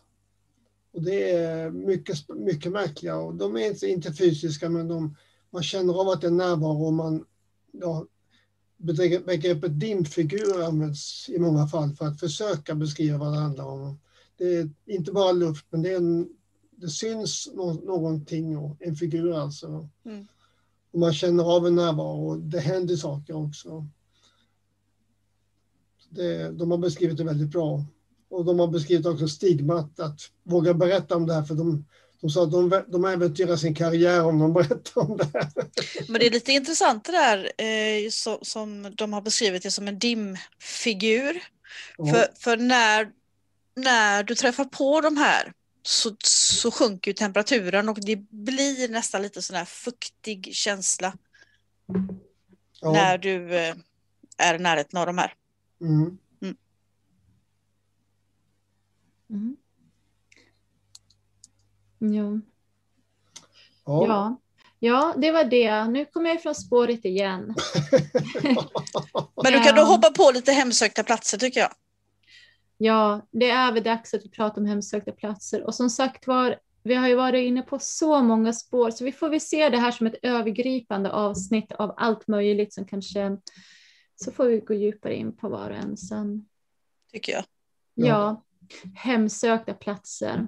Ja, För det första så är det någonting som har blivit väldigt, väldigt populärt, inte minst genom populärkultur, men framför allt eller i synnerhet genom internet och alla de här ghost hunting-programmen som finns. Och de finns ju dels på de här streamande kanalerna, men framför allt på Youtube. Så där kan man gå ut och titta vad, vad folk har för sig egentligen. Och nästan alla Youtubers med lite självaktning, de går ut på minst en ghost hunting. Så är det. Faktiskt, är det. ja, Ja. men faktiskt. Det spelar ingen roll vad de håller på med för någonting, utan minst en ghost hunting grej gör de. Mm, så populärt är det. Ja. Så det är jätteroligt. Eh, ofta så kallas det ju för hemsökta hus eller hemsökta platser. Men då är det ju så, någonting som jag vill ta upp här och som kanske inte många vet om. Och det kan ju ha med stigmat att göra också. När jag pratar med er, då vet ju ni direkt vad ett hemsökt hus är. Eller hur? Mm. Men om man tittar i, eh, i svenska ordlistan så finns inte den benämningen. Faktiskt. Det finns hemsökt, finns, men det betyder bara att det är oordning eller lite stökigt, alltså att det är någonting, och därför man kan, ja, oordning är stö, stökigt. Men hemsökt i den benämningen som vi förstår den finns inte. Och därför har jag, bland annat i en tidigare bok jag skrivit, kallat det för platsbunden entitet kontinuitet. Mm. Men det är ju ett begrepp som jag framförallt använder akademiskt och inte kanske som är någonting som är så bra när man sitter och samtalar. Så därför brukar jag ja, använda det vardagliga språket, hemsökta hus eller platser, fastän det inte kanske är ett ord som ja, ja, existerar enligt Svenska Akademin. Men i, full, men i folkmun. Men i folkmun gör det ju det. Så Ja. därför är det väldigt konstigt att det inte har kommit in. Hen kom in väldigt fort till exempel, tänker jag. Och även andra sådana här internetord har kommit in, alltså som används för internet. Men hemsökt hus eller... Du vet, det är fortfarande så extremt mycket rädsla som ligger bakom detta, så det är nog därför tror jag. Ja, alldeles säkert. Mm. Så det är trist. Men, eh, men man förstår ju vad man menar ändå. Liksom. Men det är någonting som jag vill uppmärksamma människor på också. Att så här är det. Så, så stark är stigmat så att det finns inte ens med där. Um, och sen är det ju så att det finns ju inte bara hemsökta platser, alltså hemsökta hus, utan um, det är ju också det att en del menar ju att föremål kan ju vara hemsökta. Och just det här med hemsökta platser, hus, föremål eller vad det nu kan vara, bilar kanske till och med. Tåg finns det ju i Stockholm vet jag. Och sånt där, Blå tåget eller vad heter det? Pendeln mellan Kungsbacka och Göteborg. Ja, ja, ni ser, och det kan ju vara fartyg och allt möjligt. Det är någonting som kallas för animism. Och jag har ju pratat om spiritism tidigare och att det är ett gammalt religionsvetenskapligt begrepp som betyder att man tänker sig att någonting hos människan kan överleva och att andra kan uppleva det. Så betyder ungefär spiritism. Mm. Eh, animism, stenar, eh, har ett väsen inneboende om man säger så. Det finns ett väsen som tillhör det här, eller en ande. Så till exempel dryader, om ni känner till det, alltså trädandar och liknande, eller träväsen och, och liknande. Och det här, är, det här med hemsökta platser eller hus och föremål och sånt där, det är ju då en animistisk föreställning kallas det för. Och det är också någonting som har funnits i evigheters evigheter och som finns i alla kulturer. Mm. Mm. Men, men alltså tänker man sig alltså att eh, för, för som jag alltid har förstått det när man pratar om hemsökta platser, i alla fall i populärkulturen, då är det ju ofta att det har hänt någonting hemskt där, att någon har blivit mördad eller så, att det är den personens ande eller energi som lever kvar. Men blir det animism då? För, för Mm. när man säger animism, då vill jag gärna se det som att det är huset själv som en egen entitet. Mm. Eh, Förstår du hur jag menar? Ja, jag förstår. Nej, men det kan vara på båda sätten. Okej. Mm. Ja, Jag, jag tänkte haka på Rasmus där. För jag, det är ju uttrycket haunted house i England och i engelska, engelsktalande världen. Mm. Men då är det ju, som jag har förstått det, att eh, det finns kvar någon ande som är knuten till huset som Mm. spökar och härjar där. Och det är Precis. den, det, den föreställning jag tänker mig. Mm. Det är den Precis. som finns eh, inom parapsykologin då, att det är Mm. hemsökt plats, att det är andar som inte har gått vidare som man säger då, utan Mm. de, är- de är kvar där och knutna och har inte, kanske inte förstått att de har dött ungefär. Så det är lite, är lite inte samma sak som att det är någon inneboende ande. Ja, men det är ungefär samma Eller- sak. Är det? Inneboende, ska de inte kunna gå vidare då? Ja, men det är ju också en fråga om definition. Det handlar väl mer om eh, hur människan, eh, vad människan tror. För att vi har ju så många olika föreställningar om hur det är. Och det populära det är ju att det har hänt någonting där som har gjort att, det har blivit, att människans ande har blivit kvar på platsen och inte kan lämna den. Det Ja, är ju ett sätt att tolka på det. Ehm, men eh, idag är det också vanligt att människor tänker sig att, ehm, att människor som har dött har trivts på en plats och därför återvänder dit. Det är också en vanlig föreställning idag. Då. Så att det här med ond bråd död och våldsamma dödshändelser på en plats, det är Ehm, det är mer någonting som tillhör eh, lite grann det förflutna, inte så mycket den samtida förståelsen av varför det är så. En annan anledning, det kan ju vara loppisar är ju så populära vet ni, Lopp, loppmarknader. Ehm, och att man har varit till exempel och köpt en liten fin stol på en loppis. Och så kommer man hem och eh, så blir hemmet hemsökt. På grund av att det kanske var någon som avlidit som tyckte väldigt mycket om den här stolen. Då, som är knuten till den, alltså den är det inneboende. And, alltså det är samma sak, animism på det sättet. Du menar, du menar att det blir animism? Mm. Okej. Ja, det- då måste jag bredda min förståelse för ordet animism känner jag. Ja, det gör ingenting, det får det göra. Nej, men, men då förstår jag hur du menar. Men för det, det jag tänkte sen vidare, det är ju liksom när man tittar på, på den klassiska eh, Ghost Hunten idag, då är det ju ofta det här liksom väldigt mycket eh, elektroniska verktyg i form av EMF-mätare och, och, och eh, voiceboxes och, och allt sånt där. Men ifall man då tänker sig att det inte är en mänsklig ande utan att ifall man tänker sig mer den här i den animistiska tanken som jag tänker att det är själva ett inneboende själen hos själva platsen eller objektet. Då, då gick min tanke vidare. Då kanske inte de här verktygen spelar någon roll längre för det kanske rör sig om så vitt skilda. Det blir, det blir så två vitt skilda saker. I ena fallet blir det att det, det är ett, ett minne eller, eller en, liksom energi som har kommit till en plats. I det andra fallet så blir det ju en sak som är levande så att säga.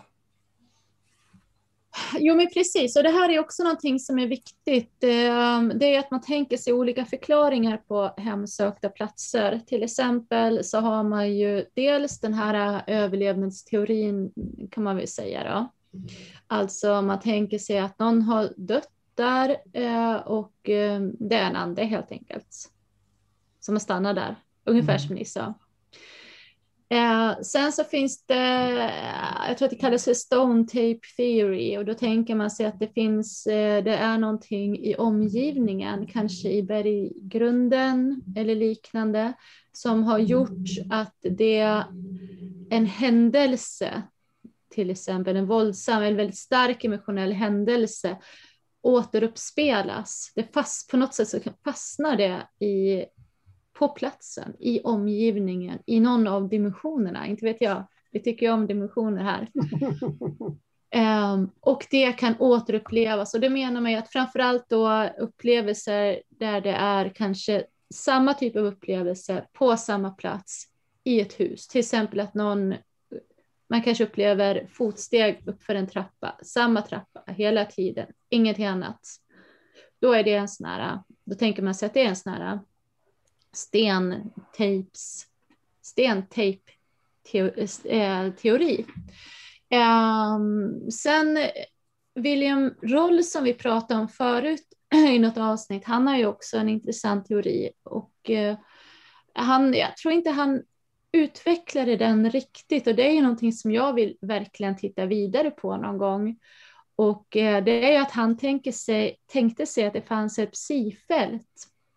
Alltså att det fanns en, eh, någon form av eh, fält som vi inte riktigt känner till än speciellt bra. Men upplevelserna verkar tyda på att de finns. Och alltså han menar att det här var ett fält som är lika naturligt som andra elektromagnetism till exempel, ett sådant fält, gravitationsfält och liknande. Men det här psi-fältet var framförallt hade att göra med guess what? Vi har pratat om det flera gånger. Känslor. Precis. att det hade att göra med känslor. Och då att, eh, och att jag kunde förklara en hel del och han tittade ju framförallt på poltergeistupplevelser. Mm. Då gjorde han, och det var då han tittade på det här, för han, bland annat sa, både han och andra, de märkte ju att vid poltergeistupplevelser så kunde man, alltså där saker förflyttas, och de kan vara väldigt häftiga de här upplevelserna. Ofta har det att göra med en person, i, kanske i ett hem då, och um, om man liksom tittar på upplevelserna, hur de sker och vad det är för föremål som påverkas etc. så kan man se att det har att göra kanske med en persons känslor eller trauman. Och att man då kan, eh, ja. Men jag fick en liten annan känsla där. Eh, eh vi satt och diskuterade poltergeist här för ett tag sedan. Och jag tänker så här att om en människa har dött och inte förstår att de är döda inte förstår att de ska gå vidare till en annan dimension utan är fast någonstans. Och de har försökt på hur många sätt som helst att, att kommunicera och till slut så blir de så fruktansvärt arga. Mm.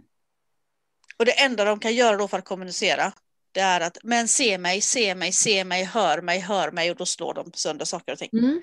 Ja men precis, eh, och det där som du säger, allt det här som vi pratar om nu, förutom psyspåret och roll, har jag jag upp i min avhandling och skriver om. Och det där är också en, Ehm, eh, någonting som en hel del pratar om. Men nu, för att förklara det så måste jag gå tillbaka lite grann i historien här nu.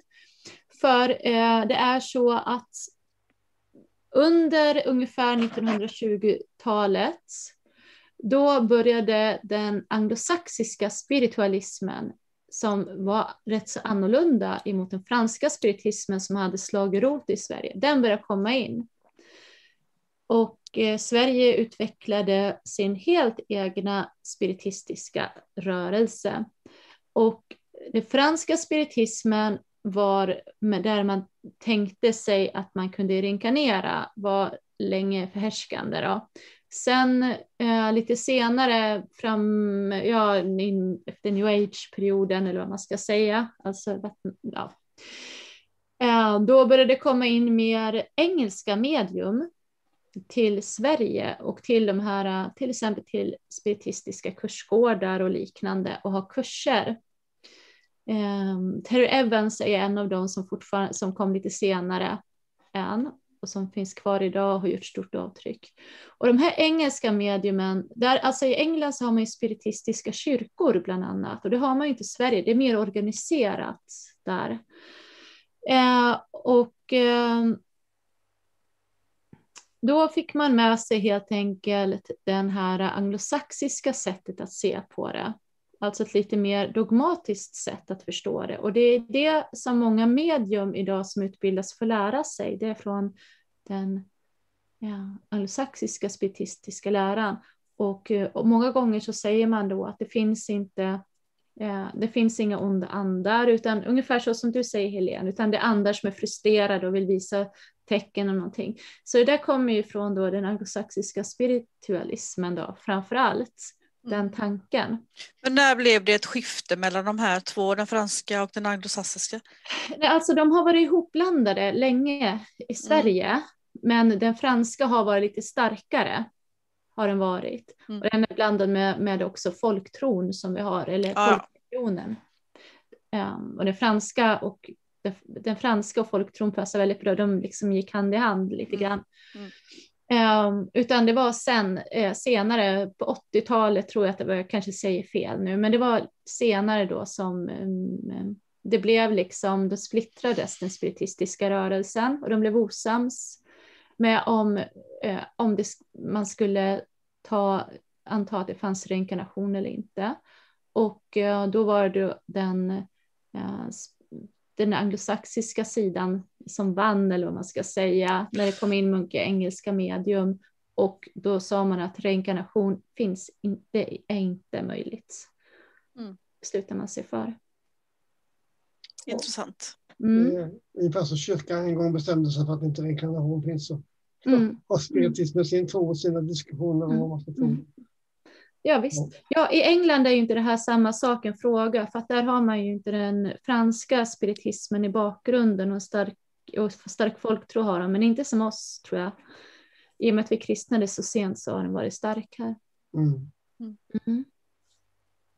Jag tror att Roll använder begreppet long body det var ett, eh, jag, jag träffade honom några gånger när han besökte Sverige och även på konferenser utomlands. Mm. Han fick ju till och med stipendier från oss för att göra lite forskning. Long body var ett uttryck som han lanserade.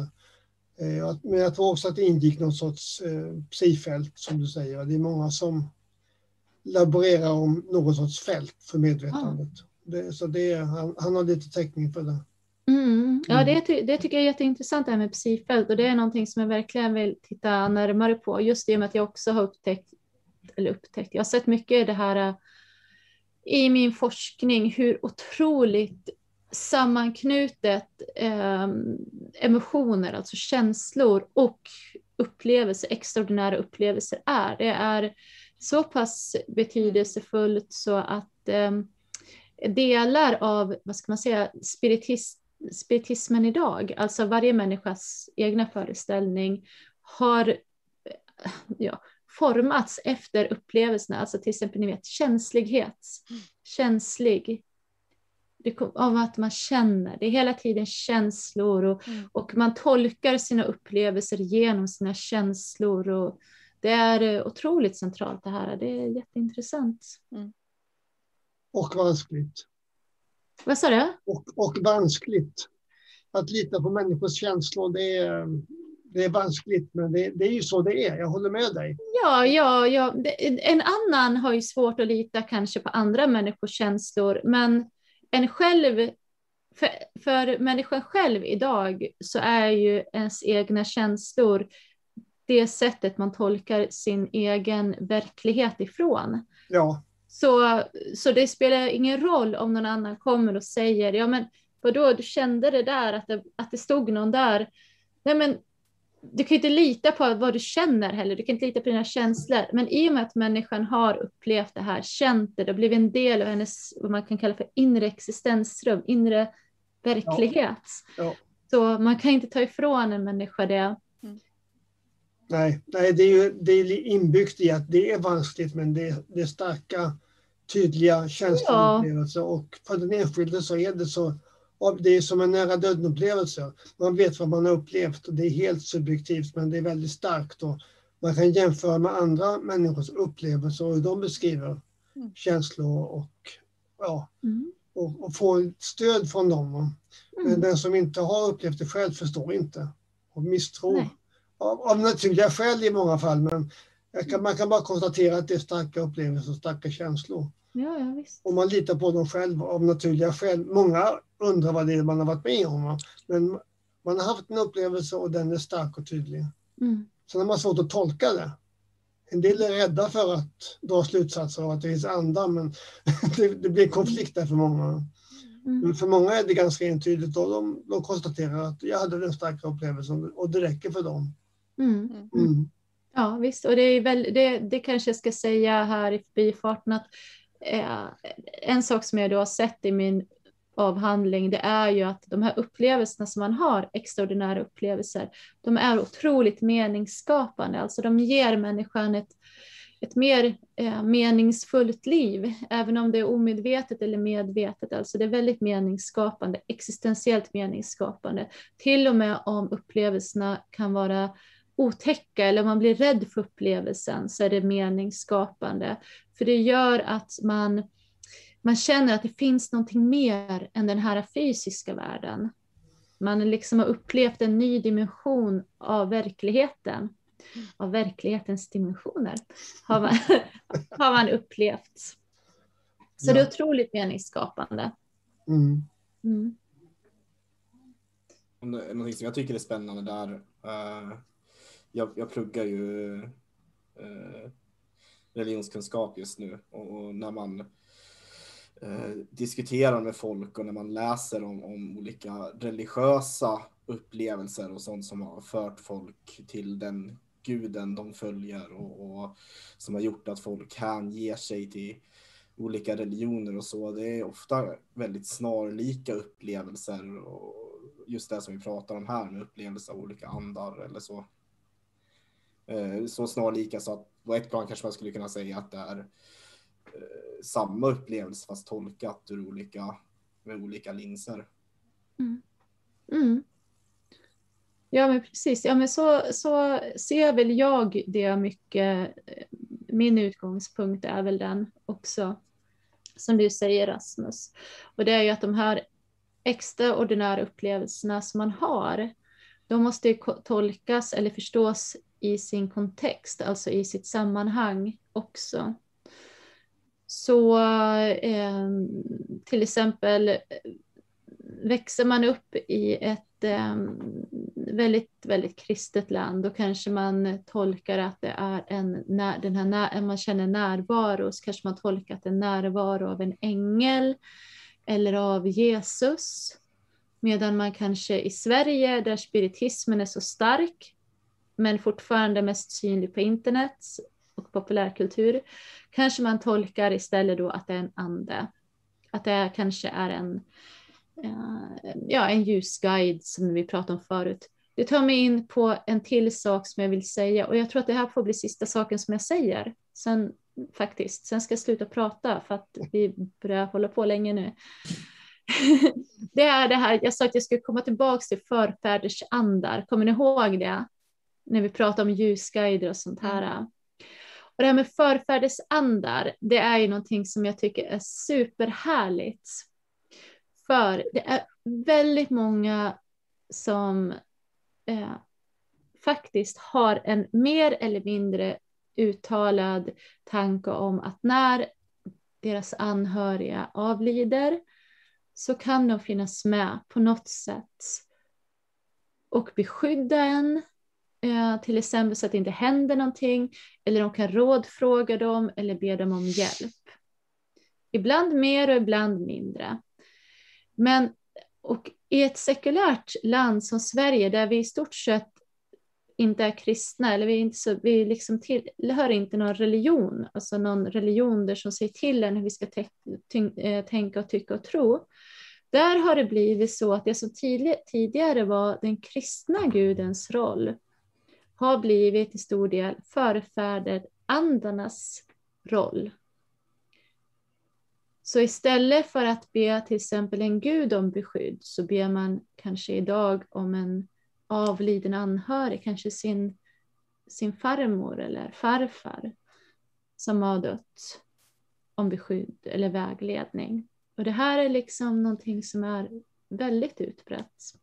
Jag tänker att det där tillhör ju även naturreligionerna.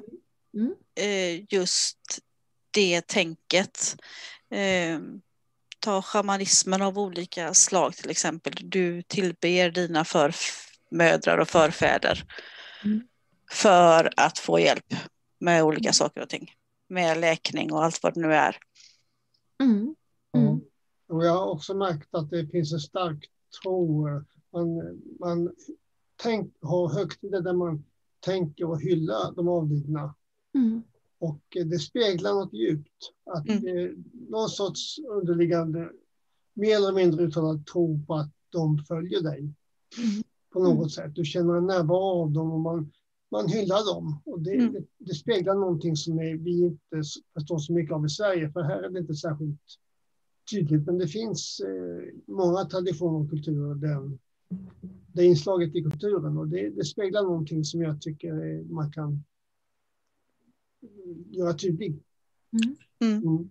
Och jag tycker att det blir mer och mer, eh, det kommer fram mer och mer eh, även här i Sverige. Mot Mm. vad det har varit tidigare. Ja, ja det, här är, det här är jättevanligt faktiskt. Är det. Och eh, även om inte de flesta kanske har den tanken hela tiden, men om de har en svår stund till exempel, om det är någonting som händer i deras liv eller om de ska ett livsval, eller om de håller på att råka ut för en olycka, till exempel håller på att krocka men klarar det, klarar sig och sånt där. Eh, då, då tar de sin tro framförallt dit då, och inte till eh, Gud. Mm. Så är det att vara världens sekulariserade land. Då återgår man till det förkristna och eh, förfäders andar och väsen. Mm. Jaha. Ja, hörni. Har det kommit några frågor förresten? Ja, vi har faktiskt fått några kommentarer. Uh, Marcus Medina skrev här, jag tror det var när vi pratade om vår inställning till eh, att leka eller inte leka med anden i glaset, skrev så här att eh, man kan leka med vassa knivar, men risken finns att man skär sig. Samma sak med andevärlden antar jag. Mm. Eh, Klok liknelse faktiskt.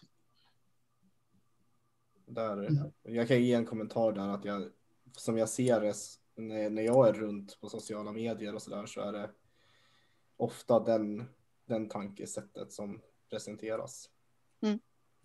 Precis, men jag vill bara säga här igen att det är många gånger så är det importerat ifrån USA. Mm, ja, precis. Ja, det, det var Ja. en annan sak jag satt och tänkte på faktiskt här när vi pratade att någonting som komplicerar det här med att göra det så mycket roligare, det är just digitaliseringen och globaliseringen vi går igenom nu. För just nu så är vi ju i en tid när så många olika eh, uppfattningar och, och, och traditioner och allt det här klaschar, kraschar ihop och det håller på att blandas och eh, man tar ju inte bara jag menar den normala ungdomen idag i Sverige tar väl förmodligen mycket mer inspiration ifrån till exempel amerikansk media eller eh, i alla fall engelskspråkig media än det som finns i Sverige och så där. Så jag menar det är ju en otrolig en, en tid av nya idéer eller gamla idéer kanske som blandas ihop till nya. Mm. Så jag menar, det här är väl ett ämne som är i konstant rörelse mer, mer nu än på väldigt lång tid kan jag anta. Mm. Eh, Jag kan också säga här att eh, Tony Eckart skrev att eh, eh, när vi pratar om hemsökta platser här, att det går att mäta, mäta upp elektroniska fält som förändras i spökhus. Det behövs inte känslor. Mm. Mm. Det var väl lite också det där vi diskuterade om de olika ifall det finns lite olika versioner på vad som är en hemsökt plats eller inte. Mm. Mm. Eh,